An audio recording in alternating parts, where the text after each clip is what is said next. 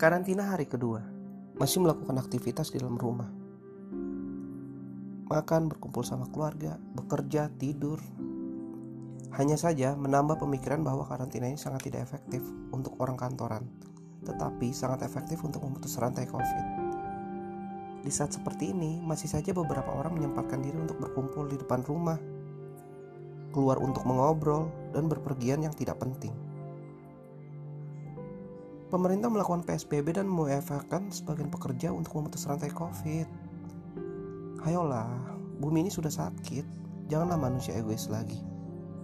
Bercerita akan buruknya hidup, lebih buruk manusia mementingkan egonya saja. Diam sekarang, bukan bodoh. Tidak jalan bukanlah lumpuh. Tidak. Terima saja dan buang egomu. Tengah kiri.